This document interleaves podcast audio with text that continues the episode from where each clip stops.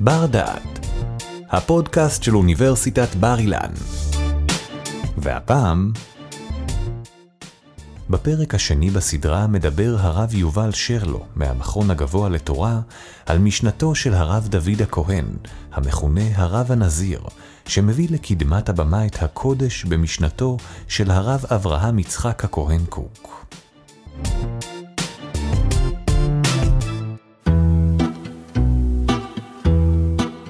מה יכול להוות מבוא למשנתו של הרב אברהם יצחק הכהן קוק, זכר צדיק לברכה? הוא כתב אין ספור דברים, באין ספור תחומים.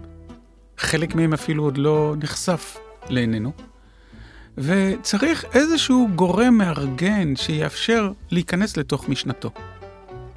ההצעה במיני סדרה הזאת היא לשאול את שלושת תלמידיו הגדולים, הרב צבי יהודה הכהן קוק, בנו, הרב הנזיר, הרב דוד הכהן, והרב חרל"פ, שהתמנה להיות ראש ישיבת מרכז הרב אחרי פטירתו של הרב קוק. בהרצאה הזאת אנחנו נעסוק בשני שבהם, הרב דוד הכהן, המכונה הרב הנזיר, בשל קבלת נזירות שהוא קיבל עליו מאוחר יותר, שהגיע אל הרב קוק בדרך לא דרך, ועסק בהיבט שונה לחלוטין, ופתח פתח עצום למשנתו של הרב קוק.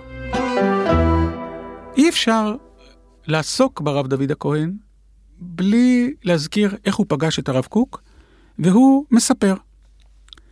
לפני 27 שנים, כ"ז שנים, נראה בהמשך את לוח הזמנים, ואני בשוויץ בבאזל.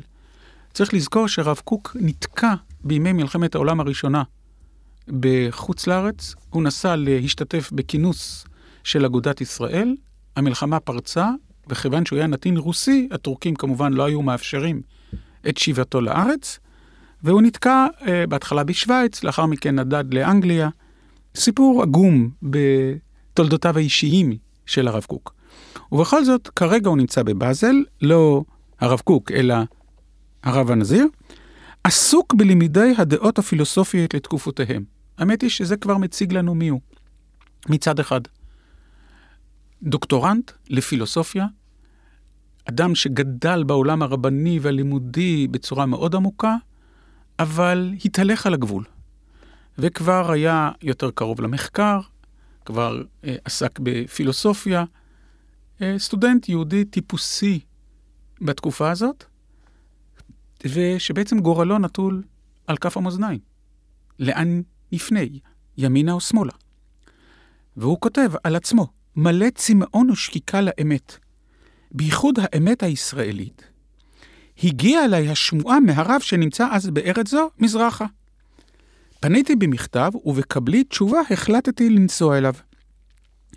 אחרי טבילה במימי הריין, מצויד בשערי קדושה, מלא ספק וחיקיון, עשיתי דרכי לערב. בערב ראש חודש אלול, תרע"ה, 1915. באתי אליו, מצאתיו עסוק בהלכה עם בנו. נסע בשיחה על חוכמה יוונית וספרותה, שלא סיפקה עוד נפש היודעת ממקורותיה הראשונים. נשארתי ללון אצלם. כלומר, הייתה שיחה בערב, מעניינת, אבל לא מהפכת, לא נוגעת. על משכבי לא שכב ליבי. גורל חיי היו על כפות המאזניים.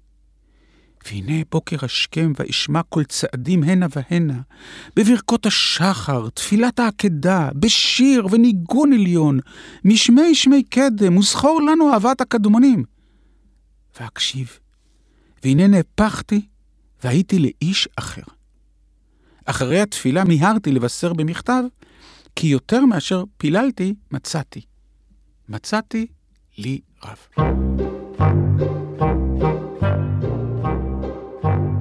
דרך הסיפור של הרב דוד הכהן אנחנו לומדים מה הוא חיפש.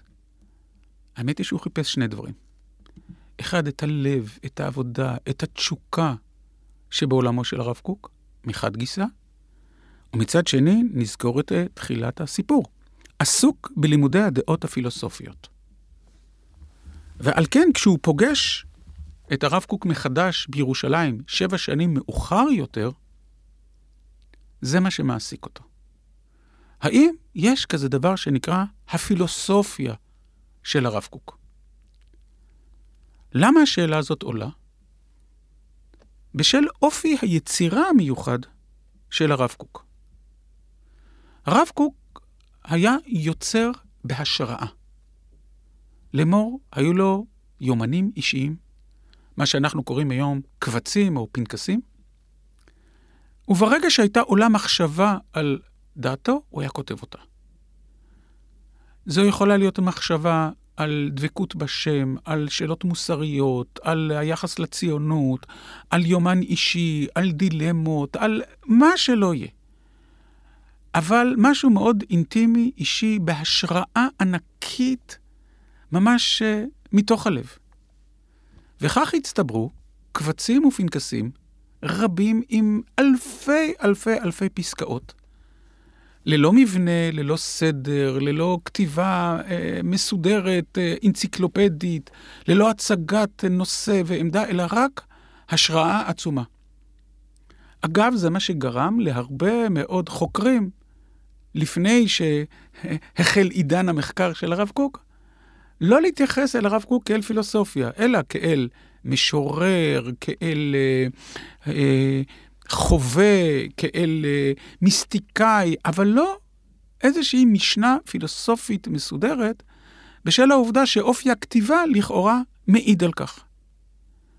והדבר הזה העסיק את הרב הנזיר.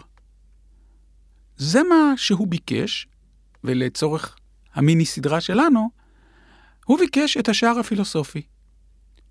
וכך הוא מספר. בעוד שבע שנים, אנחנו ב-1922, תרפ"ב, והנני בירושלים, מסתופף בצל הרב בבית מדרשו יומם ולילה. ויהי היום, ועל אליו בשאלה, רבנו, קדושה יש כאן אצלו. כל מי שקורא את הקבצים ואת הפנקסים האלה, באמת חש תחושות עצומות של קודש, של מיסטיות, של כנות, של חוויות מאוד עמוקות, של מחשבות, של אנרכיזם, של באמת מעולמות אה, עצומים. רוח השפעה סגולית. והנה השאלה שהוא שואל את הרב קוק. האם יש גם תורת הרב? תוכן לימודי מסוים? מה? שיטה? כלומר, זה השער שהרב הנזיר מחפש. שער לשיטה הפילוסופית של הרב קוק. והוא מצטט את הרב קוק עונה לו בשתי מילים. והתשובה? כן, ודאי. יש כזה דבר. יש משנת הרב קוק, יש עולם פילוסופי, יש מבנה, זה כתוב בצורה יומנית, זה כתוב בכתיבה השראתית. אבל תשובה לשאלה קיימת. רק אף אחד עוד לא יודע אותה. הוא מספר הרב הנזיר, מאז גמלה החלטתי לברר תורת הרב כשיטה אלוהית שלמה, יסודותיה ויסודיה יסודות, ועל פיהם לבחור כתביו ולסדרם במאמרות. וכאן אנחנו בעצם נתקלים בסוגיית משנה שלא ניתן לדלג עליה. הספרים שאנחנו מכירים של הרב קוק, אורות, אורות התשובה, אורות התורה, אורות האמונה ועוד כהנה וכהנה, רובם ככולם, למעט מעט מאוד, הם לא ספרים שהרב קוק כתב, על אף שהם ספרים של הרב קוק. הם ספר, ספרים שמישהו אחר, לעתים הרב הנזיר, לעתים הרב ציודה, לעתים אחרים, ליקטו מבין הפסקאות האלה שהרב קוק כתב, וסידרו אותם, עיצבו אותם, אה, מיינו אותם, הכניסו אותם לפרקים, בחלק מהמקומות נתנו כותרות, ולא מעט גם צנזרו אותם. יש מכתב מרתק אל הרב צבי יהודה, של הרב קוק, שהרב צבי יהודה אה, היה בחוץ לארץ, והרב קוק התגנב לבית דפוס והדפיס את אחד הקבצים, מה שנקרא ערפלי תואר, שלא ברשותו של בנו, כי מאוד חששו לפרסום הגדול הזה. יש בדברים של הרב קוק באמת דברים שמי שרוצה לבקש את רעתו, ימצא שפע. שפע של דברים שיוכל לטעון כלפיהם שהם אנרכיזם, שהם כפירה, שהם התרחקות, שהם אה, סטייה איומה ונוראה, או משיחיות שקר, או מה שאנחנו רק נרצה. ולכן הכתבים הערוכים של הרב קוק הם כתבים שהם יצירה שהתשתית של הפסקאות הם של הרב קוק. אבל העיצוב, הסידור, הכותרת, הבחירה, מה כן לפרסם, מה לא לפרסם, היא, במקרה שאנחנו הולכים לעסוק בו, של הרב הנזיר. אבל אני חוזר לציטוט שלו את עצמו. ועל פיהם לבחור כתביו ולסדרם במאמרות. ואשר על כן, קיים אה, כל הזמן דיון וויכוח בין ממשיכי דרכו של הרב קוק, בין בעולם הישיבתי ובין בעולם המחקרי, אה, עד כמה מדובר פה ביצירה אה, אותנטית של הרב קוק, ועד כמה סידור, עיצוב, מיון, בחירה וכדומה, בעצם מסיתים או, או מחבר שותף בהיקפים די גדולים של הדברים. הרב הנזיר מדגיש שהרב קוק הסכים למהלך הזה. הרב מסר לידיי כתבי קודשו, קודם כל הוא נתן לו קודם את הפנקסים האלה.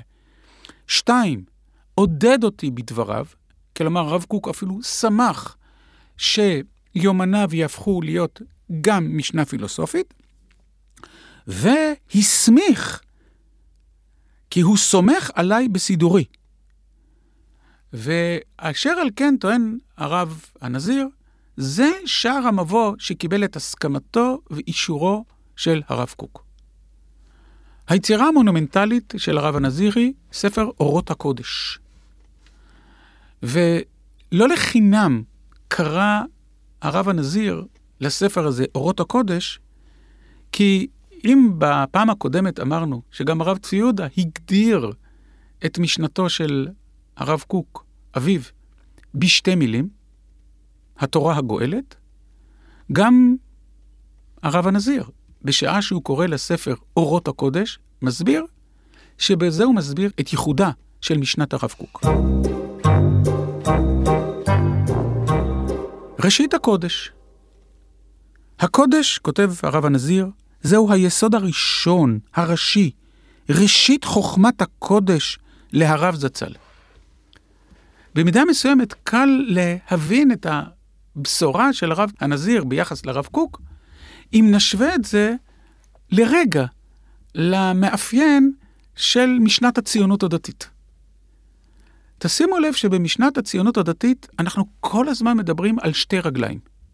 הציונות הדתית, ישיבת ההסדר, הקיבוץ הדתי, ממלכתי, דתי, דתי, לאומי, וכן הלאה, כן? כל הזמן אנחנו מדברים על דו-רגליות שיש לה מוקד משותף, אבל מדגישים את העובדה שאנחנו גשר בין עולמות, שאנחנו בין עולמות שונים וכדומה. לאמיתו של דבר, שורש משנת הרב קוק איננו כזה. לאמיתו של דבר, כותב הרב הנזיר, לרב קוק יש מוקד אחד, הקודש. אבל ישאל השואל את עצמו, אז מה החידוש? זה בעצם כל אה, אדם, מה שאנחנו מכנים היום בעולם החרדי, בעולם היישוב הישן, יטען הכל קודש. אז איפה החידוש? החידוש לא נמצא בעצם ההתייחסות לקודש, אלא החידוש נמצא בביטוי אורות הקודש. קודש מאיר. קודש מאיר זו לא רק התייחסות סובייקטיבית, אלא זו גם טענה פילוסופית עמוקה. כי קודש עלול להיתפס ונתפס פעמים רבות דווקא כהתרחקות. קדושים תהיו, רש"י מפרש על המילים האלה, קדושים תהיו, פרושים תהיו. כלומר, קודש תמיד הוא להתרחק. אנחנו בקדושת הזמן, ביום השבת, מתרחקים מששת ימים תעבוד, מעבודה וממלאכה. קדושת המקום, של נעליך מעל רגליך, אל תקרב הלום, המקום אשר אתה עומד עליו אדמת קודש הוא, וכן הלאה ביחס להרבה מושגים של קדושה. וקדושה נתפסת פעמים רבות כהחשכה. אני זוכר חוויה אישית כשהייתי אה, מרכז סמינריון הדרכה לפני שנים רבות של בני עקיבא. שפכנו צבעים על הרצפה וביקשנו מהחניכים והחניכות אה, לבחור צבעים שיתארו את החיים. והם כמובן בחרו בכל צבעי הקשת. ולאחר מכן ביקשנו מהם לבחור צבע שמתאר את התורה. אני מתבייש להגיד כמה בחרו בצבע השחור. אבל זה מה שמאפיין לפעמים בתודעה את המושג קודש. לעומת זאת, במשנתו של הרב קוק, הקודש הוא מאיר. ראשית, הוא מכליל בתוכו לא רק את המושגים שאנחנו רגילים לראות אותם כקודש, תורה, מצוות, תפילה, אמונה, תורה, לימוד תורה וכדומה, אלא גם את ארץ ישראל. נו, מילא, זה כמובן, ארץ הקודש נתפסת אה, ככזו אצל רבים, אבל לא רק את ארץ הקודש, אלא גם בתוך הקודש נמצא עולם שלם של היצירה האנושית, של התרבות, של האומנות, של הספרות, גם היא חלק מתבנית הקודש. ולמעשה, אין משהו שאין בו ניצוצות של קדושה. אין משהו שאיננו יכול ושאינו תרומה עצומה להתחבר אל מושג הקודש ולחשיבות הגדולה של העיסוק בתחומים האלה בהקשרם. וכך העולם כולו הולך ומאיר שיש בו קודש כללי, ויש בו חיות עולמית, ויש בו אחדות כוללת וטוב כללי, והעולם כולו מתעלה כל הזמן, הוא מתקדם כל הזמן. ומתוך הנחות המטאפיזיות האלה, או אפילו יותר מזה, מתוך ההנחות האפיסטימולוגיות, כלומר של תורת ההכרה, צומחת מטאפיזיקה עצומה של חיבור קודש וחול על פני כל המרחבים, והחלק הבא בעיצוב ובשער הכניסה למשנת הרב קוק, הרי הוא מוסר הקודש, כלומר האתיקה המיוחדת של הקודש. וממש משנת הרב קוק הולכת ולובשת צורה כמו בפילוסופיה הקלאסית. תורת הכרה, אפיסטימולוגיה, מטאפיזיקה, כלומר הדברים שבהם אנחנו עוסקים, והמשמעויות האתיות והמעשיות באתיקה, במוסר הקודש. וזו למעשה הבשורה הגדולה של הרב הנזיר ביחס למשנת הרב קוק. שער הכניסה אליה הוא שער פילוסופי, אבל לא פילוסופי במובן המרוחק שבו אדם עומד מבחוץ ומסתכל במבט רפלקטיבי. אני מזכיר לכם את סיפור הפתיחה, את פרשת העקדה, את הניגון ששמע הרב הנזיר. אלא פילוסופיה שהיא פילוסופיה ש... מתבססת על מה שהרב הנזיר כתב מאוחר יותר, על ההיגיון השמעי, על היכולת של ההקשבה, של ההאזנה, של הדבקות, של ההתקשרות, בכל המושגים כולם.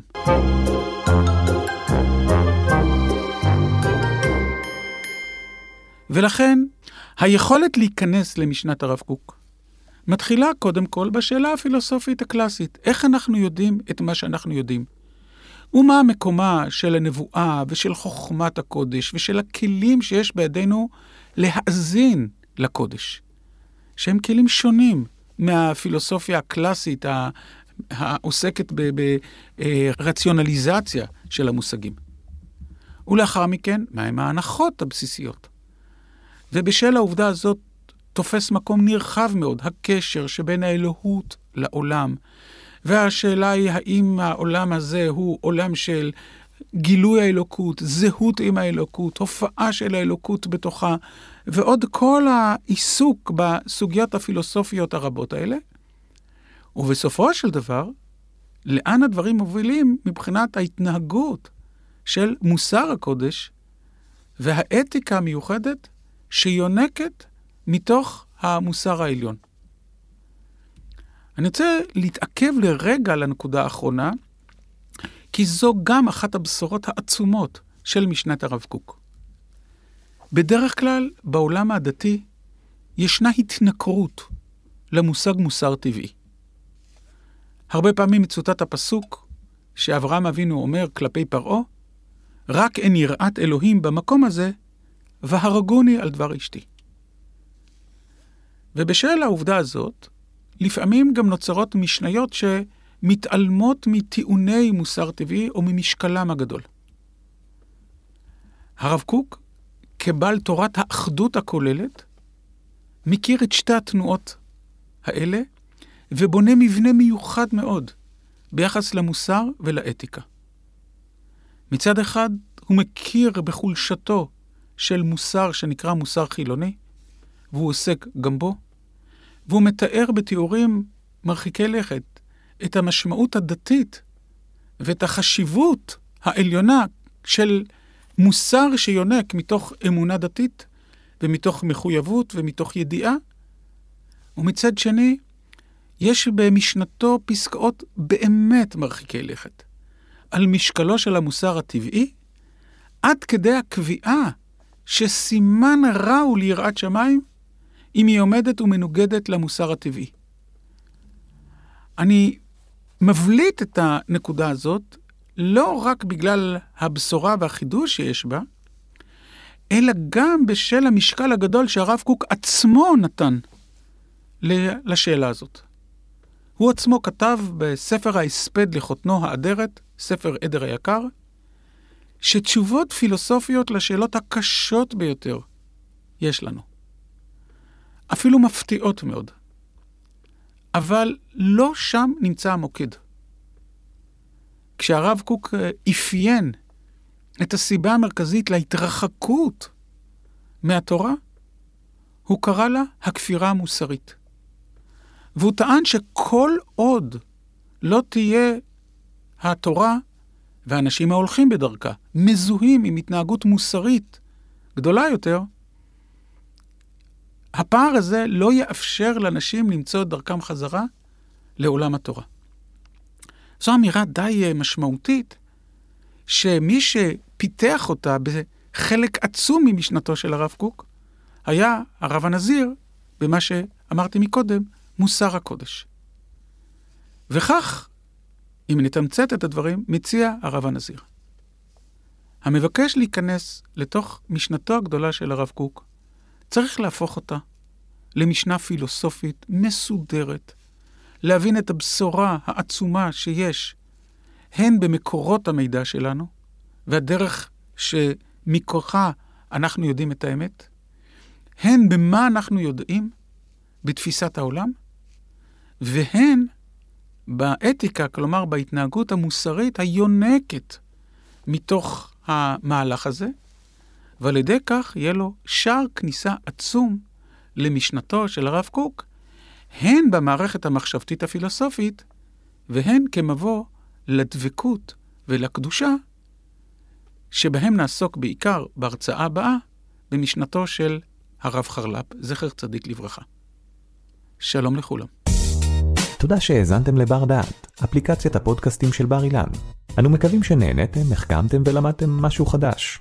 עוד הרבה פודקאסטים מעניינים מחכים לכם באפליקציה, אז המשיכו להאזין לנו. בר אילן, משפיעים על המחר, היום.